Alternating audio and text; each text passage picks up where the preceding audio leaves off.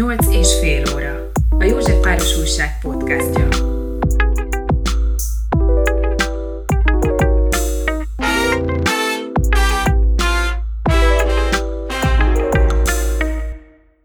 Sok szeretettel köszöntöm a 8 és fél óra hallgatóit. Én Koloni Csimre Zsófű vagyok, és a vendégem pedig Völgyi Péterné dr. Reich Márta, aki annak a lengyel Árpádnak az unokája, aki a Titanic túlélők mentésében játszott meghatározó szerepet orvosként, és Józsefvároshoz több szálon is kötődik. Üdvözöllek, Márta, köszönöm szépen, hogy elfogadtad a meghívást. Én köszönöm a meghívást.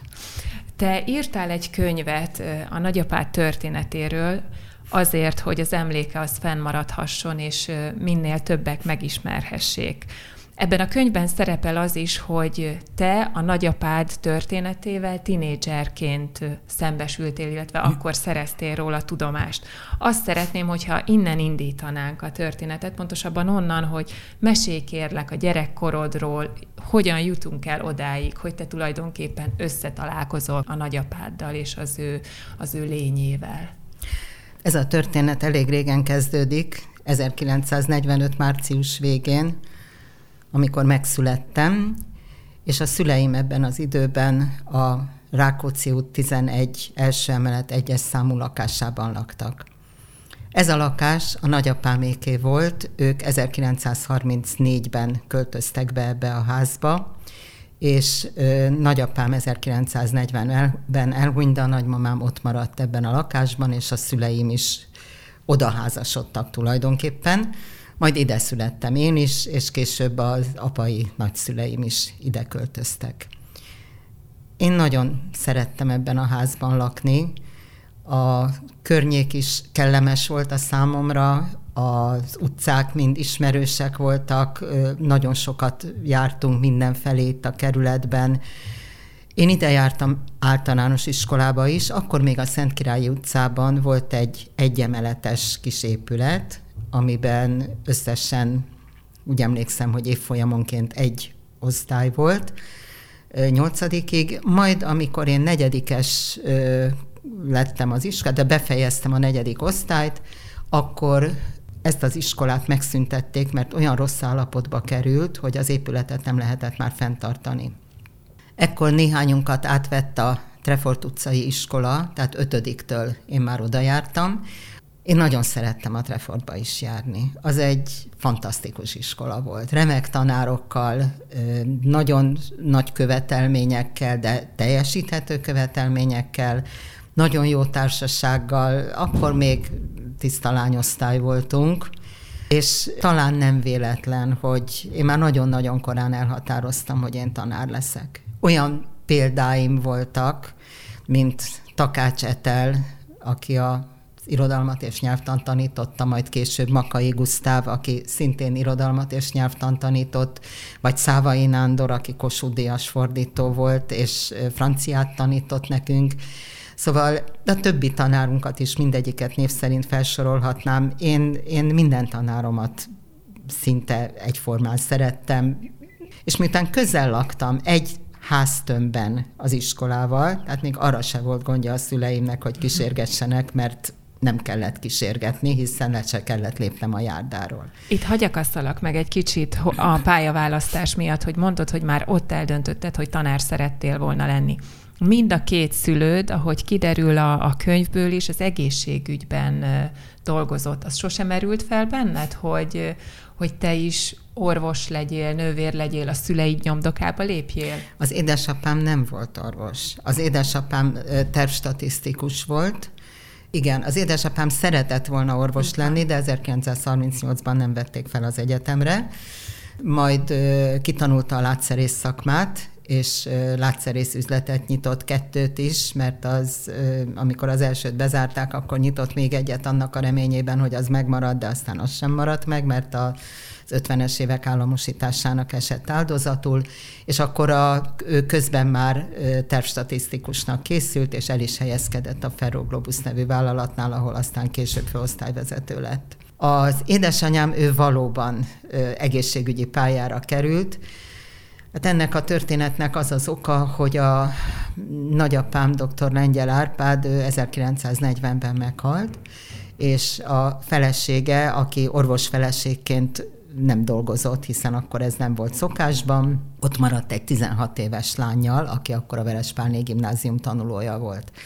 Édesanyámnak ott kellett hagyni a gimnáziumot, hogy valaki pénzkereső legyen a családban, és elment a Rókus kórházba, ahol a nagyapám is dolgozott régen, és ott voltak ismerős orvosok, és megkérdezte, hogy tudják-e őt ott valamire használni. És azt ajánlották neki, hogy tanuljon ápolónőnek. És édesanyám valóban ápolónőnek tanult, és felfigyelt rá Kubányi Endre, a sebészeti osztály vezető főorvosa, és azt mondta, hogy Pannika magának olyan jó keze van maga, olyan ügyes maga, annyira ért a betegekhez. Hát tanuljon műtősnőnek, az rangban is több, fizetésben is több, megbecsülésben is több, és biztos, hogy magából nagyon jó műtősnő lesz. Így aztán az anyukám valóban műtősnő lett, ott dolgozott a Rókus kórházban egészen 1955-ig, amikor hát nagyon nagy megterhelésnek voltak kitéve, hiszen a rókus nagyon sokszor volt ügyeletes, és három műszakban dolgoztak, délelőtt, délután és éjszaka, és hát erős migrénes fejfájásai lettek, és az éjszakai műszakot nem nagyon bírta, úgyhogy átkerült a Trefort utcai, akkor még meglévő rendelőintézetben, rendelőintézetben és a sebészeten kapott állást, és egész nyugdíjazásáig aztán itt dolgozott tovább. Volt egy érdekes történet, egy érdekes 56-os története az édesanyjának. Az nem, nem egy akármilyen történet volt. 1956. október 23-án az édesanyám délutános beosztásban volt, ugye a délelőtt délutáni műszak volt. Délutános beosztásban volt, én már otthon voltam, a nagyszüleim is otthon voltak, és az édesapám is, és akkor egyszer csak a Rákóczi úti lakásból már hallották, hogy a Puskin utca végén nagy hangzavar van, és aztán később lövöldözéseket is hallottak, és akkor az édesapám berohant a Trefort utcai rendelőbe az anyuért, hogy azonnal gyere. Azt mondta, anyu, hogy hát fél nyolcig tart a műszakom, azt de nem létezik, te most azonnal kapod magad, és jössz velem haza, mert a rádiónál már lövöldöznek.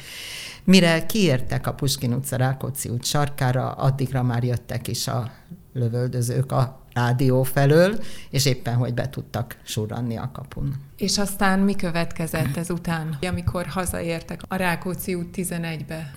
Jaj, hát és... a Rákóczi út 11 az egy nagyon-nagyon közkedvelt hely volt abból a szempontból, hogy mindenféle támadásnak ki voltunk téve. A lövöldöz, utcai lövöldözéseknek is, aztán olyan méretben is, hogy beállt egy tank a Sip utcából a Rákóczi út fele, pont szemben az ablakunkkal, és nekünk már 24-én egy darab utcai ablakunk sem maradt. Mind az ötten, még a nagyszüleim, a szüleim meg én bevonultunk a fürdőszobába, mint a legvédettebb helyre, és valószínűleg a legkisebb helyre is a lakásban, és én akkor tíz és fél éves voltam, és, és én meg voltam arról győződve, hogy mi itt most meg fogunk halni. Nekem konkrét halálfélelmem volt, erre emlékszem, és hát eltelt egy pár nap, még közben a pincében is nem voltunk, aztán egy szomszéd, aki a Puskin utcai oldalon lakott, fölhívott, hogy menjünk be az ő lakásába, mert az egy kicsit védettebb rész volt, ott nem lövöldöztek. Tehát elég sok minden viszontagságon mentünk keresztül, volt azonban egy vicces történet, talán nem baj, ha így fogalmazom, nem, csak... amikor már nem voltak a fürdőszobában. Jaj, hát ott egy, az, az tényleg egy, egy abszurd. humorista tollára való abszurd, igen.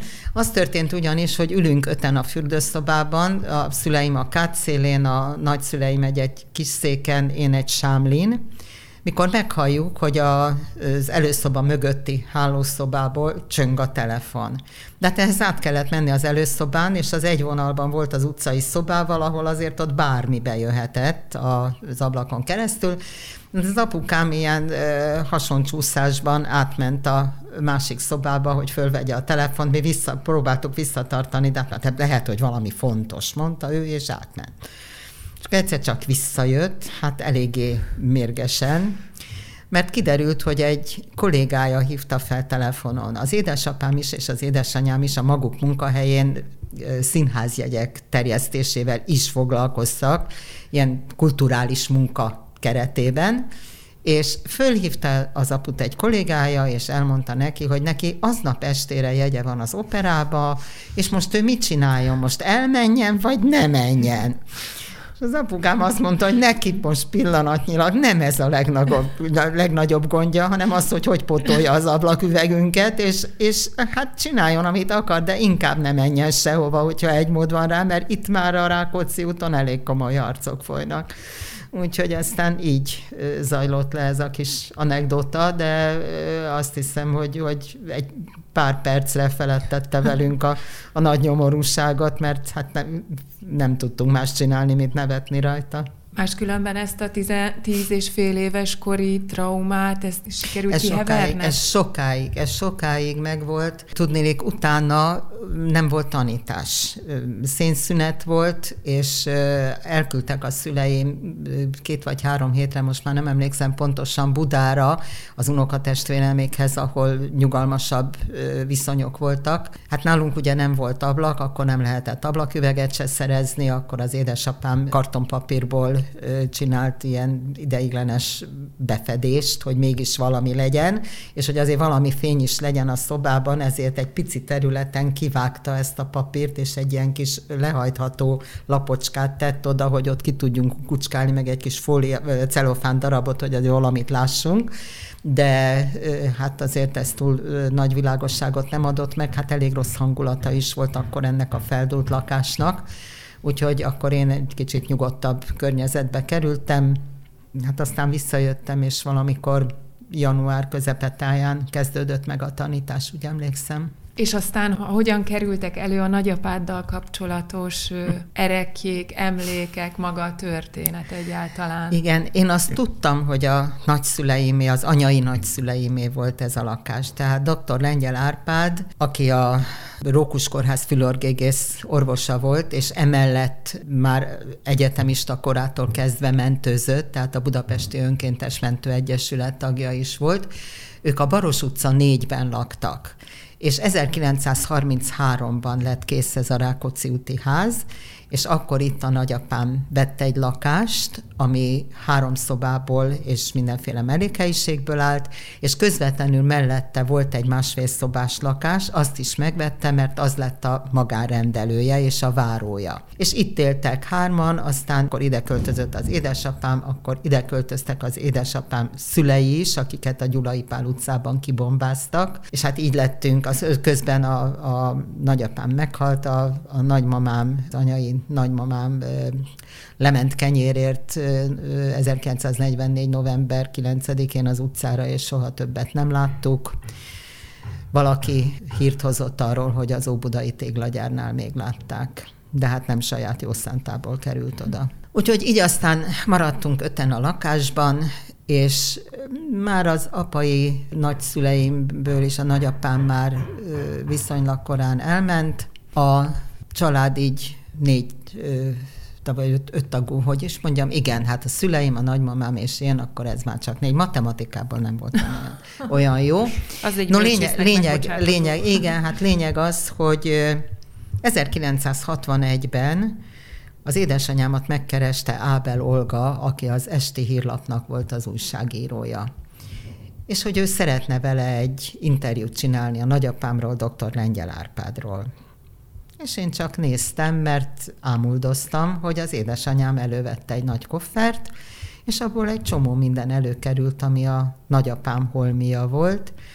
Például előkerült az orvosi táskája, előkerült egy pár szike, előkerült egy üvegfecskendő, előkerültek a feljegyzései, amelyeket a Titanic tragédiájáról írt, előkerült néhány fénykép, amelyik erre utalt, előkerült egy olyan fénykép is, amelyik egy jótékonysági futballmeccset ábrázol, az MTK pályán zajlott le, és az MTK csapata és a Kárpátia legénysége. A Kárpátia volt az a hajó, amelyik mentette a Titanic utasait.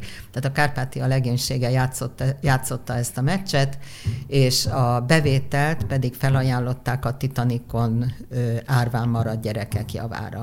Szóval sok minden előkerült, és én csak néztem, hogy én erről miért nem tudtam semmit. És mit mondott az édesanyja, hogy miért nem tudott semmit? Vagy ed, addig, hogyha addig szóba kerültek családi beszélgetésekkor, összejövetelekkor a nagyszülők, akkor semmit nem mondtak róluk semmit? Nagyon keveset. Nagyon ja, keveset mondtak. Rá. Így van, nagyon keveset mondtak.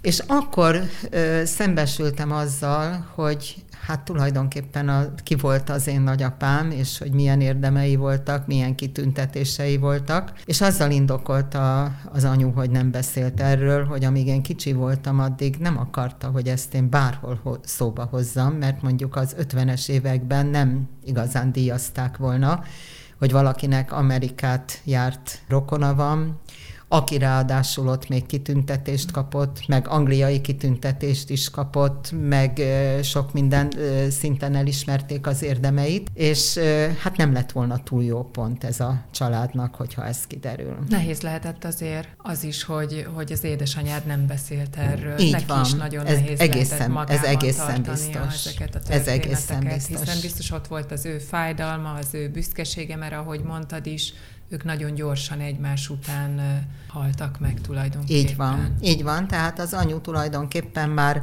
20 éves korában már árva volt, hát nem volt se apja, se anyja, és hát 44-ben esküdtek, a szüleim, és én 45 márciusában születtem, úgyhogy aztán így egészült ki a család, és miután a, a, az apai nagyszüleimet a Gyulai Pál utcában kibombázták, ezért ők is oda költöztek a Rákóczi út 11-be. Akkor térjünk át a nagyapád történetére. Hogyan került ő a Kárpátiára, ami ugye, mint elmondtad az előbb, az a hajó volt, aki a, a Titanic ö, szerencsétlenül járt, de életben maradt utasait mentette végül.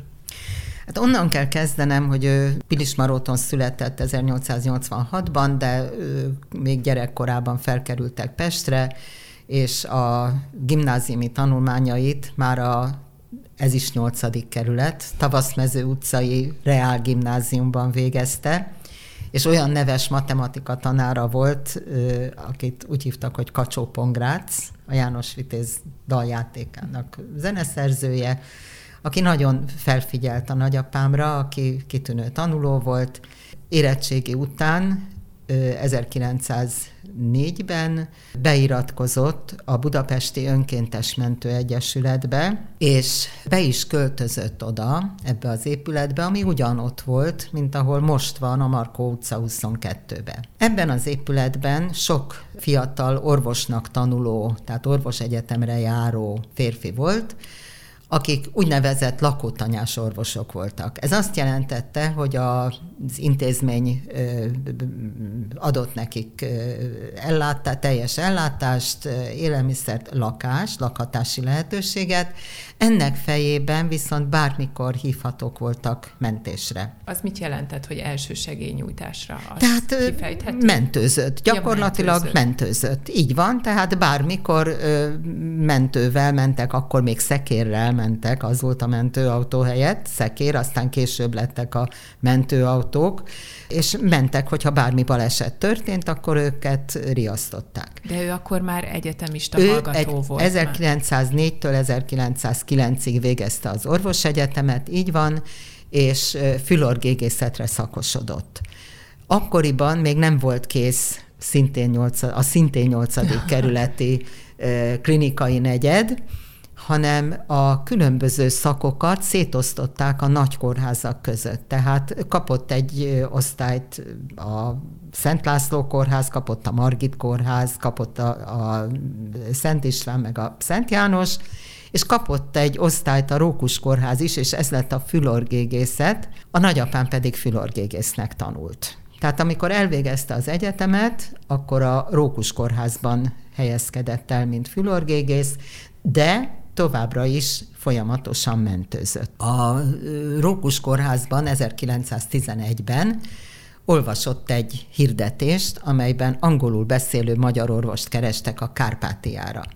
A Kárpátia egy kereskedő, kereskedelmi és kivándorlóhajó volt, amelyik menetrend szerint járt Fiume és a mai Rijeka és New York között. Nagyon nagy raktérrel rendelkezett, és ebben a nagy raktérben bőven volt élelmiszer, gyógyszer, kötszer, tehát ez segítette a mentési munkát. Amikor már visszafele jöttek New Yorkból, akkor vették a Titanic SOS jelzését, és Arthur Henry Rostron kapitány egy pillanatig nem gondolkozott azon, hogy ők már jóval lejjebb voltak az Atlanti óceánon, mint ahol a Titanic balesete történt, azonnal visszafordítatta a hajót, és indultak hozzá, a mentésre. Ez, ez korán sem volt veszélytelen. ez egyáltalán nem volt, ez egyáltalán nem volt veszélytelen, hiszen a ugyanolyan helyzetbe is kerülhettek volna, mint a Titanic, hiszen a jéghegy határ szélén mozogtak. Az érdekesség kedvéért megjegyzem, hogy két hajó is volt, amelyik közelebb volt a Titanichoz, mint a Kárpátia.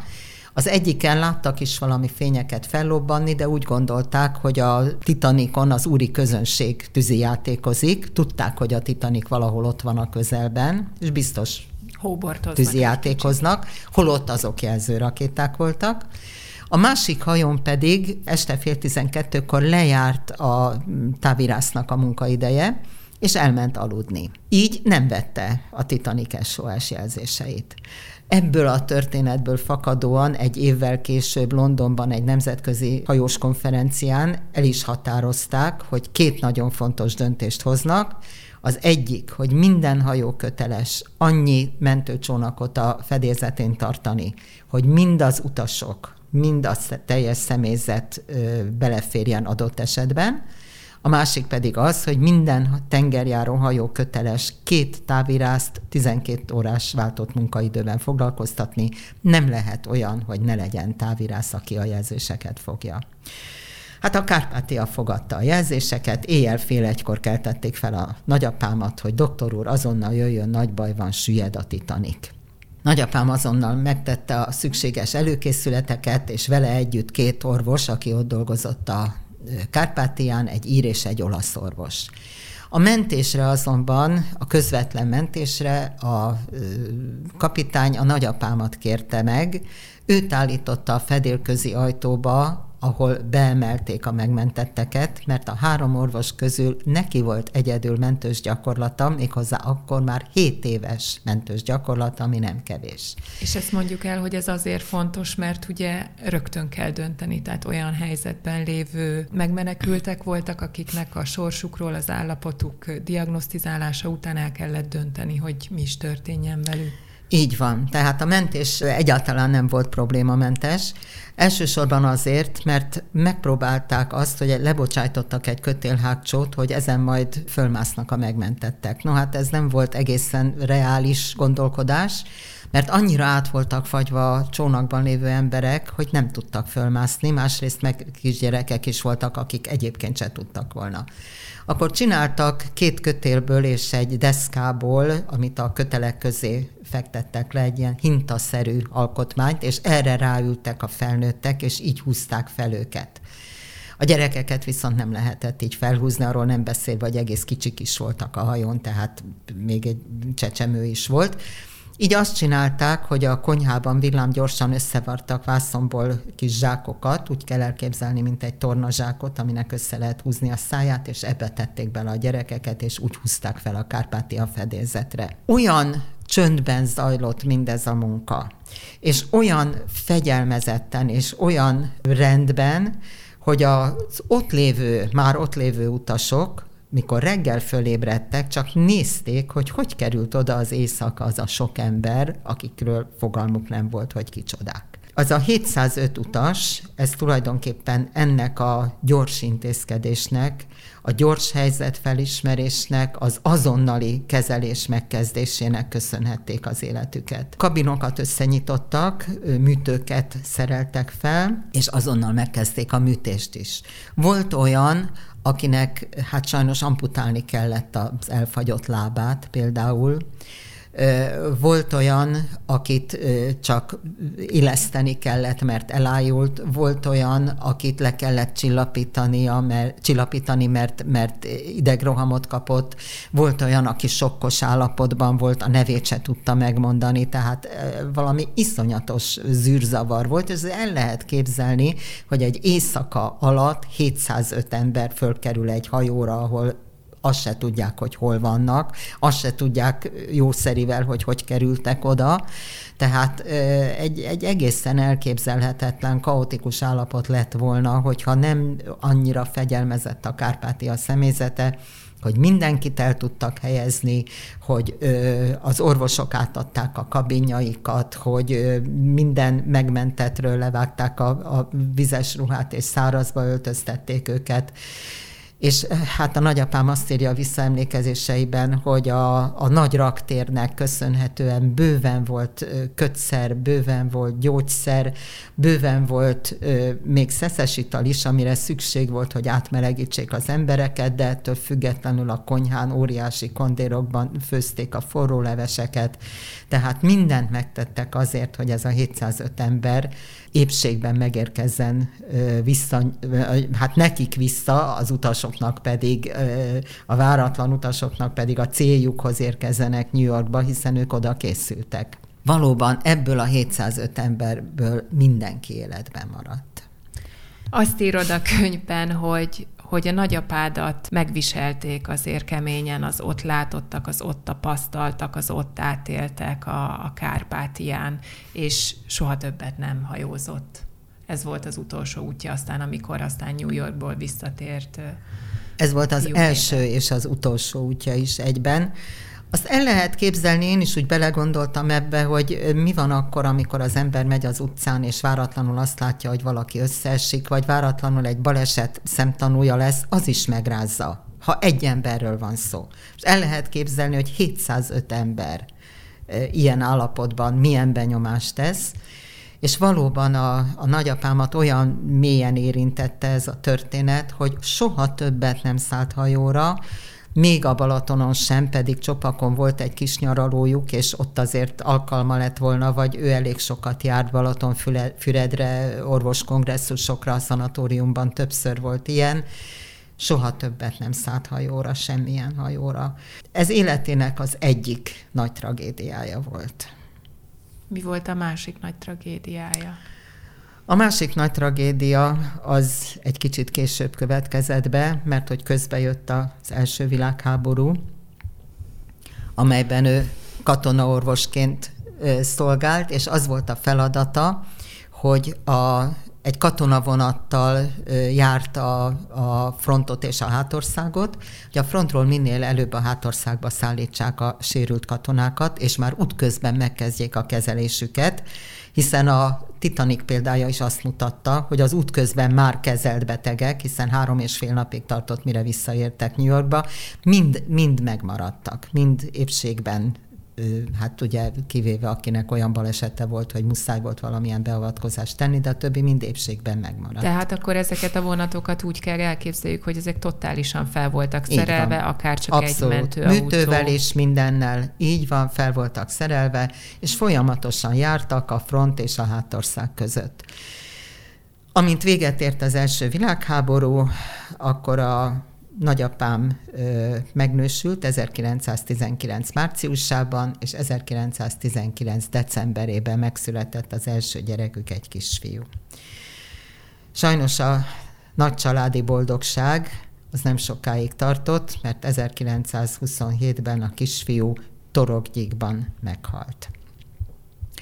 És én úgy, bele, én úgy belegondoltam, ezt. hogy egy fülorgégész gyereke, toroggyikban hal meg. Én azt hiszem, hogy, és nem tud rajta segíteni. Én azt hiszem, hogy ennél kevés borzalmasabbat tudok elképzelni.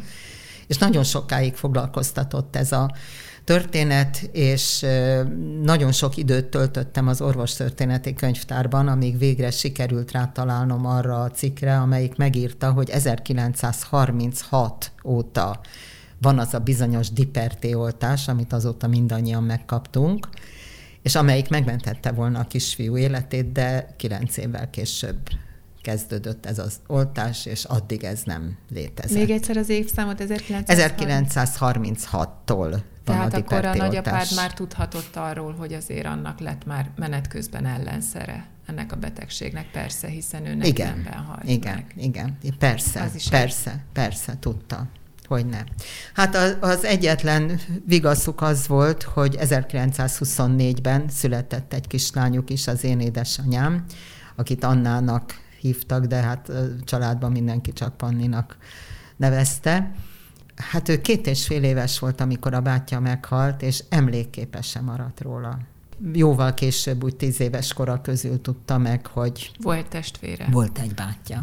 Igen. Ja, akkor neki se beszéltek erről. Nem. Érdekes nem. Ez, a, nem. ez a családi nem. párhuzam, nem. hogy neki a testvéréről nem beszéltek, nem. mármint hogy Így hogyan van. tudnak hallgatni a családtagok. Így van. Így van. Ez iszonyat teher a, Hát borzasztó, borzasztó teher volt valóban, mert ö, azt hiszem, hogy a, a nagyapám egész életében ez egy, ez egy olyan nyomasztó ö, fájdalom is, egy olyan, olyan ö, borzasztó, ö, az él, borzasztó élmények átélése olyan hatással volt rá, ami, amitől úgy akart megszabadulni, hogy nem beszélünk róla. De milyen érdekes, hogy a nagyapád más különben folyton a frontvonal, vagy a tűzvonalban van. Tehát ő mindig ott van, amikor történik valami. Már ott kezdődik az, hogy ugye elmegy mentős, mentőzni. Tehát aki mentőzik, az, az folyamatos stressznek van kitéve, folyamatos döntési kényszer, szükség van a hidegfejre, az átgondolásra, hirtelen döntésekre. Hát elképesztő lehet ez. Aztán ugyanúgy a háborúban, ugyanúgy Így a van. Titanicnál. Így van. És uh, utána, amikor, amikor mindez uh, lezajlott, tehát az első világháborún is túl vagyunk, akkor rengeteg munkát vállalt. Én ahogy végignéztem az életét, végigolvastam és végigkövettem, azt tapasztaltam, hogy minden olyan munkát elvállalt, ami valamilyen ö, módon a segítéssel volt kapcsolatos. A betegsegélyző pénztárnak ellenőrző orvosa volt, a Beszkártnak üzemorvosa volt, volt ö, egy darabig még a Rókus Kórház orvosa, aztán a ö, Mária téri rendelőnek lett, Oti rendelőnek lett az orvosa, majd élete utolsó éveiben a Kapás utcai rendelőintézetnek a gégész, ö, fülorgégész főorvosa lett. Emellett ö, élete egyik nagy céljának határozta el, hogy minél több embert megtanít az első segélynyújtásra. Tehát első segélynyújtó tanfolyamokat tartott de nem csak felnőtteknek, hanem gyerekeknek is. Iskolaorvos is volt, egészségtantanár is volt, és iskolákban is tartott elsősegélynyújtó tanfolyamokat, úgyhogy ő azt hiszem a, a teljes orvosi pályát valahogy végigjárta, és minden oldaláról megnézte, hogy hol lehet a legjobban segíteni, hol lehet az embereket legjobban felkészíteni arra, hogy részben magukkal, részben másokkal tudjanak törődni, mert ezt nagyon-nagyon fontosnak tartotta az életében. Ez volt a missziója akkor. Egészen Ahogy biztos. olvastam a visszaemlékezésében, vagy valamelyik beszédében, már nem emlékszem pontosan melyikben volt, ott azt hiszem fel is vetette ezt, amit mondtál, hogy hogy a Titanic elsüllyedésének a, az egyik legnagyobb tanulsága az az, hogy az első segély az nem elég elterjedt, és hogy azt mindenféleképpen propagálni kell. Úgy, Így ahogy van. mondod azért, hogy egymáson is tudjuk segíteni, hogyha, hogyha sürgős helyzet van. Így van. Miután a Kárpátia befutott a kikötőbe, és teltek a napok, hetek, hónapok, a nagyapádat több oldalról is kitüntették. Sőt, még találkozott az osztrák császári uralkodókkal is, ez ha így jól van, emlékszem. Ez így van. Amikor megérkeztek Fiumébe, akkor már várta őt egy távirat, hogy József főherceg és Augusta főherceg asszony vacsorára kéreti, tehát ilyen elismerésben is részesült, de kitüntetésekben is részesült. Egyrészt megkapott egy aranyérmet, amit nagyon-nagyon sokra tartott, mert ezt az aranyérmet a megmentett utasok hálából csináltatták és adományozták a Kárpátia valamennyi tisztjének. Aztán kapott egy ezüstérmet, egy gyönyörű szép díszes oklevéllel együtt. Ez a Liverpooli hajótöröttek társaságának a díszoklevele, amelyik most éppen a Mentő Múzeumban a Titanic és Dr. Lengyel Árpád című kiállításon van, és ehhez a díszoklevélhez járt az ezüstérem is. Az első világháború alatt számtalan kitüntetést kapott, ezekről van egy igazoló jegy, amelyben felsorolják, hogy milyen kitüntetések ezek. Sajnos ezek közül egy sem maradt meg és a mentősöknél is több kitüntetést kapott, ö, olyan fénykép is van, amelyiken a ö, 30 éve mentőző főorvos kapja meg a vas érdemérmet, sajnos ez sem maradt meg. Nagyon örülök annak, hogy elég sok minden maradt a hagyatékában, Például levelek is, köszönő Például levelek. levelek is, köszönő levelek, így van.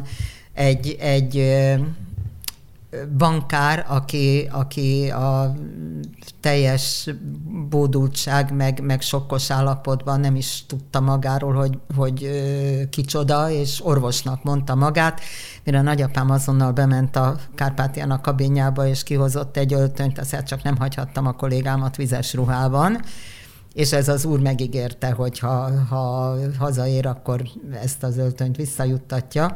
Majd írt egy köszönő levelet, és megírta benne, hogy hát elnézést kér, de ő tulajdonképpen bankár, csak abban az adott helyzetben egyszerűen azt se tudta, hogy fiú-e vagy lány. Más utasoktól is kapott köszönő levelet. Volt egy, ami, ami nagyon nyomasztotta, az az volt, hogy egy kis fiatalasszony, aki a nász útján volt, egy 16 éves kis spanyol fiatalasszony, aki elvesztette a férjét egész úton, amíg elértek New Yorkba, a nyomában járt, és szólongatta, és kérdezte, hogy miért nem szólsz hozzám, miért nem jössz ide hozzám, miért hagytál magamra, hát mi házasok vagyunk. Tehát egyszerűen annyira rossz állapotban volt, hogy a hitte, férjét a vélte a nagyapámban fölismerni, és azt írja a nagyapám, hogy valószínűleg a, a külsőm hasonlíthatott rá, mert, mert egész úton kénytelen voltam őt vigasztalni, és megpróbálni megmagyarázni neki, hogy nem én vagyok a férje, és hogy sajnos a férje meghalt. Na most ilyen és ehhez hasonló történet volt egy jó pár, tehát én nem is csodálom, hogy a nagyapám ezeket nagyon-nagyon-nagyon mélyen eltemette magába, és ezekről nem akart beszélni. A Titanic történetéről összesen három alkalommal beszélt, egyszer, rögtön a visszaérkezésük után egy hónappal, sőt, még, még egy picivel előbb, egy pár nappal előbb, amikor a Budapesti Orvosi Kaszinó felkérte, hogy tartson egy előadást, mint orvos, miket tapasztalt a mentés műveleteiről, az ottani állapotokról, az elsősegélynyújtás azonnali helyzetéről, és így tovább. A másik két alkalom az a Magyar Rádiótól érkezett egy-egy felkérés, a 32 32-ben és 37-ben, ezek ugye a kerek évfordulók voltak, a 20 éves és a 25 éves évforduló, hogy egy-egy 5 perces rádióadás szövegét állítsa össze, és olvassa fel, és ez meg is történt. Ezek a szövegek is megvannak. Úgyhogy amikor én ezt a könyvet készítettem róla, valamennyi szövegét, ami, róla, ami tőle maradt, valamennyi szöveget beletettem. Hát nem minden írását tudtam beletenni, mert, mert elég sok mindent ír, de hát ezek megjelentek a mentőklapjában, és a Mentőmúzeumban ezek is megvannak, úgyhogy ezek ott olvashatók. Hát az az igazság, hogy, hogy viszonylag nagyon fiatalon, 54 évesen hunyt el. Azt mondják, hogy a, a jó emberek, akik másokon sokat segítenek, azok megérdemlik, hogy szép haláluk legyen. Hát ha egyáltalán el lehet mondani, hogy lehet egy halál szép, akkor az övé az volt. 1940. szeptember 8-án, ez egy vasárnapi nap volt, az édesanyám, aki akkor a Verespálné gimnázium tanulója volt, osztálykirándulásra ment. Nagymamám volt otthon a nagyapámmal, és tudta a nagyanyám, hogy a nagyapám szeret sokáig aludni. Vasárnap volt, hát hadd aludjon. De tíz óra körül már úgy gondolta, hogy fölkelthetné, és be is ment hozzá, de már nem tudta fölkelteni, mert álmában érte a halál. Álmában szívrohamot kapott valószínűleg, ezt csak valószínűs, valószínűsítjük, de te kutattál ebben De a én kérdésben. kutattam ebben a kérdésben, és hát valóban úgy történt. A, Mondjuk el, hogy átélt, mi volt a te módszered. Én ezt, ezt mindjárt elmondom, csak arra gondolok, hogy az átélt megpróbáltatások, az a kor, ugye a, a 12-es Titanic történet, a 14-től 18-ig az első világháború, a kisfiának az elvesztése, ez mind-mind, és a rengeteg munka, amit vállalt. Hát a rengeteg munka, amit vállalt, az nyilván a felejtés szolgálta, hogy a munkába menekült. A munka viszont felőrölte. Tehát 1940-ben 54 évesen meghalt. Én ö, magyar-francia szakos tanár vagyok, voltam, már nyugdíjban vagyok, és grafológiát is tanultam, méghozzá okleveles grafológus lettem. Én elsősorban a gyerekírásokkal foglalkoztam. Nekem ez nagyon-nagyon sokat segített a pedagógiai munkámban, különösen az osztályfőnöki munkámban, ahol egy ötödiktől nyolcadikig egy közösséget kellett szervezni, és ehhez, ehhez kell, hogy az ember minél jobban megismerje a gyerekeket. Ez a grafológiai kutatás, ez nagyon nagy segítségemre volt abban, hogy, hogy a különböző helyről jövő, különböző helyzetű gyerekeket valahogy egymáshoz hozzáilleszem, és ne kis pontok maradjunk abban az osztályban, hanem ezek a pontok egy kis gömbé alakuljanak. Én azt hiszem, hogy az a gömb az egy, az egy olyan nagyon jó forma, amiben jól lehet mozogni. Tehát ad teret is, megad együttlétet is, és én ezeket a gömböket próbáltam kialakítani a tanári pályám során.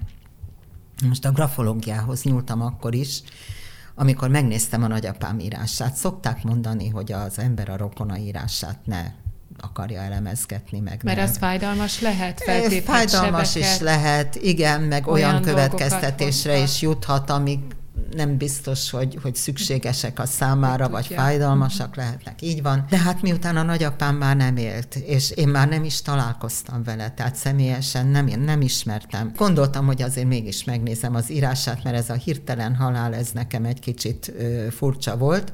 A, vannak az írásában kis csomók. Ezek a kis csomók, ezek mind valamiféle életbeli megpróbáltatások, valamiféle tragédiák, valamiféle nehéz helyzetek, amelyekből nem nagyon tudott kijönni.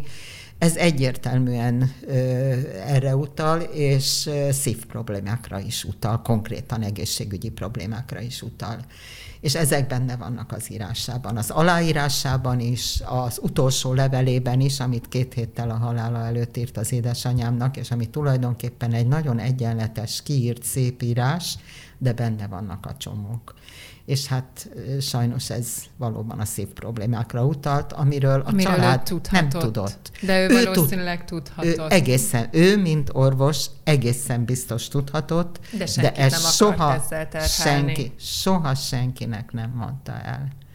Hát, hát én azt hiszem, hogy óri... pontosan ezt akartam mondani, hogy óriási önfegyelme lehetett, ő soha semmire nem panaszkodott, se a túlterheltségére, se a munkahelyi problémáira, ha voltak ilyenek, bár nem tudom. Azt mondtad most is az előbb, hogy te nem ismerted a nagyapádat, viszont olyan végtelen nagy szeretettel beszélsz. Végigkutattad az egész életét, mindennek utána mentél.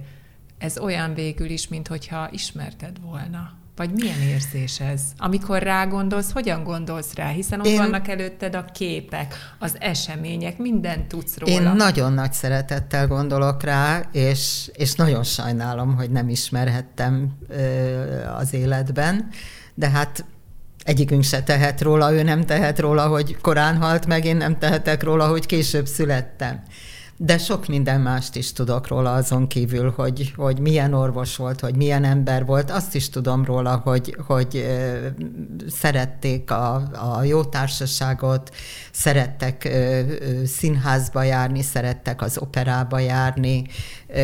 Volt többféle kártyapartiuk is, mert nagyon szerettek kártyázni, különösen a nagymamám, de a nagyapám is a nagyapám rendszeresen eljárt Józsefváros, a Baros ö, utca és a körút sarkon volt egy kávéház, sajnos nem tudom a nevét, ahova rendszeresen eljárt, és ott volt egy társasága. Tehát ő nem volt egy visszavonult ember, csak magába temette mindazt, amivel nem akart másokat terhelni. Elképesztő ez a jelenlét. Mi gyakorlatilag tényleg mindenhol ott volt, itt Józsefvárosban ráadásul. Így van. Azt szeretném kérdezni még így a végére, hogy mi a kedvenc történeted róla? Édesanyádnak biztos rengeteg története volt akkor. Beszélt, gondolom beszélt onnantól kezdve édesanyád, igen. onnantól kezdve, hogy a titok Igen, igen, kiderült. kiderült mesélt róla. Mi a kedvenc történeted, amiben a leginkább benne látod őt, ami, ami, amiben nem, nem ő a Titanic menekültjeinek a megmentője, amiben nem ő a világháborús, sebesült katonák megmentője, hanem valami egyszerűbb történet. Van, van ilyen, van. amit nagyon szeretsz? Van, igen, van, igen. Ö, én ö, tulajdonképpen a, a, leg, a legkedvesebb történetem, az egy kiskutyához fűződik. Ezt a kiskutyát Zsuzsinak hívták, és egy picike kis fehér gombolyag volt tulajdonképpen, és a, a nagyapám a kezdet kezdetén azt mondta, hogy kutya városi lakásban nem való. és ő nagyon ellenezte. Hát az édesanyám meg nagyon szeretett volna egy kiskutyát, mint egyetlen gyerek, ugye sajnos egyetlen gyerekként nőtt fel, meg is kapta ezt a kiskutyát, nagyapám erős tartózkodása mellett. Aztán egy ebéd alkalmával észrevették, hogy a nagyapám így nagy titokban egy picike falatokat dobál le, kis húsfalatokat dobál le Zsuzsinak, aki ezt boldog örömmel falatozta be. Majd aztán odáig terjedt a kapcsolatuk, hogy nagyapám, aki szeretett délutánonként egy kicsit lepihenni, általában zakóját levetette, és csak mellény volt rajta, lefeküdt, és Zsuzsi kutya bebújt a mellénye alá, és ott aludtak ketten együtt édesdeden, a, az a kutya, amelyikre a nagyapám azt mondta, hogy ő városi lakásban nem való, de hát mégis ott volt. Hát akkor tehát állatbarát is volt Így a van. nagyapád, nem csak Így emberbarát. Van. Még azt tartanám fontosnak, hogy mondd el kérlek, hogy aki, aki kíváncsi arra, hogy jobban megismerje a nagyapádnak a történetét, hol van az a hely, már említetted egyszer, de azért mondjuk el még egyszer, ahol, ahová elmehet, ahol veled is találkozhat, és ahol még beszélgettek is. Én tulajdonképpen most két dolgot is szeretnék ajánlani. Az egyik egy könyv, amit én megírtam a nagyapám életéről. Ennek a címe az, hogy a Titanic árnyékában, és az alcíme az, hogy egy magyar orvos élete. Ez a könyv sajnos már üzleti forgalomban nem kapható, mert viszonylag kevés példányban tudtuk kiadni, és nagyon hamar elfogyott szerencsére de a Bookline-on rendelhető, antikváriumban rendelhető. A másik, ami, ami, amiért nagyon hálás vagyok a Mentőmúzeumnak, hogy április 11-én nyílt egy kiállítás, a tit, aki a Titanic túlélőit megmentette, dr. Lengyel Árpád ezzel a címmel. Azért ez a kettős cím, hogy benne van a Titanic is, és benne van a nagyapám is, mert a kiállítás bemutatja magát a Titanicot is, a Titanic történetét is, az építésétől kezdve egészen a tragédiájáig, és hát bemutatja a, a mentés folyamatát, van hozzá mindenféle dokumentum, van hozzá vetített képes előadás is, tehát nagyon-nagyon sokoldalúan meg lehet ismerni magát a történetet, és a nagyapám életét is.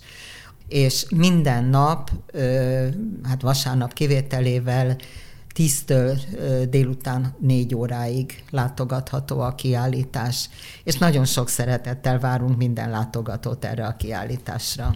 Nagyon szépen köszönöm mindenkinek a nevében a meghívást, és egyúttal nagyon-nagyon szépen köszönöm, hogy eljöttél és elmesélted a nagyapád és a családod történetét. Én köszönöm a meghívást és a lehetőséget, mert én azt hiszem, hogy a nagyapám olyan magyar orvos volt, akire minden magyar ember büszke lehet, hiszen kevés ember mondhatja el magáról, hogy amikor megérkeztek a megmentettekkel New Yorkba, óriási betűkkel, neon feliratok hirdették a Kárpátia nevét, és másnap reggel megjelent a New York Times az első oldalán egy hatalmas cikkel, amiben a nagyapám neve is benne van, és ö, kitüntetéssel tér vissza Amerikából. Én azt hiszem, hogy, hogy egy olyan ember és egy olyan orvos, aki, aki megérdemli, hogy minél többen ismerjék a nevét. Köszönöm szépen, hogy itt voltál. Köszönöm szépen a hallgatóknak is, hogy velünk tartottak.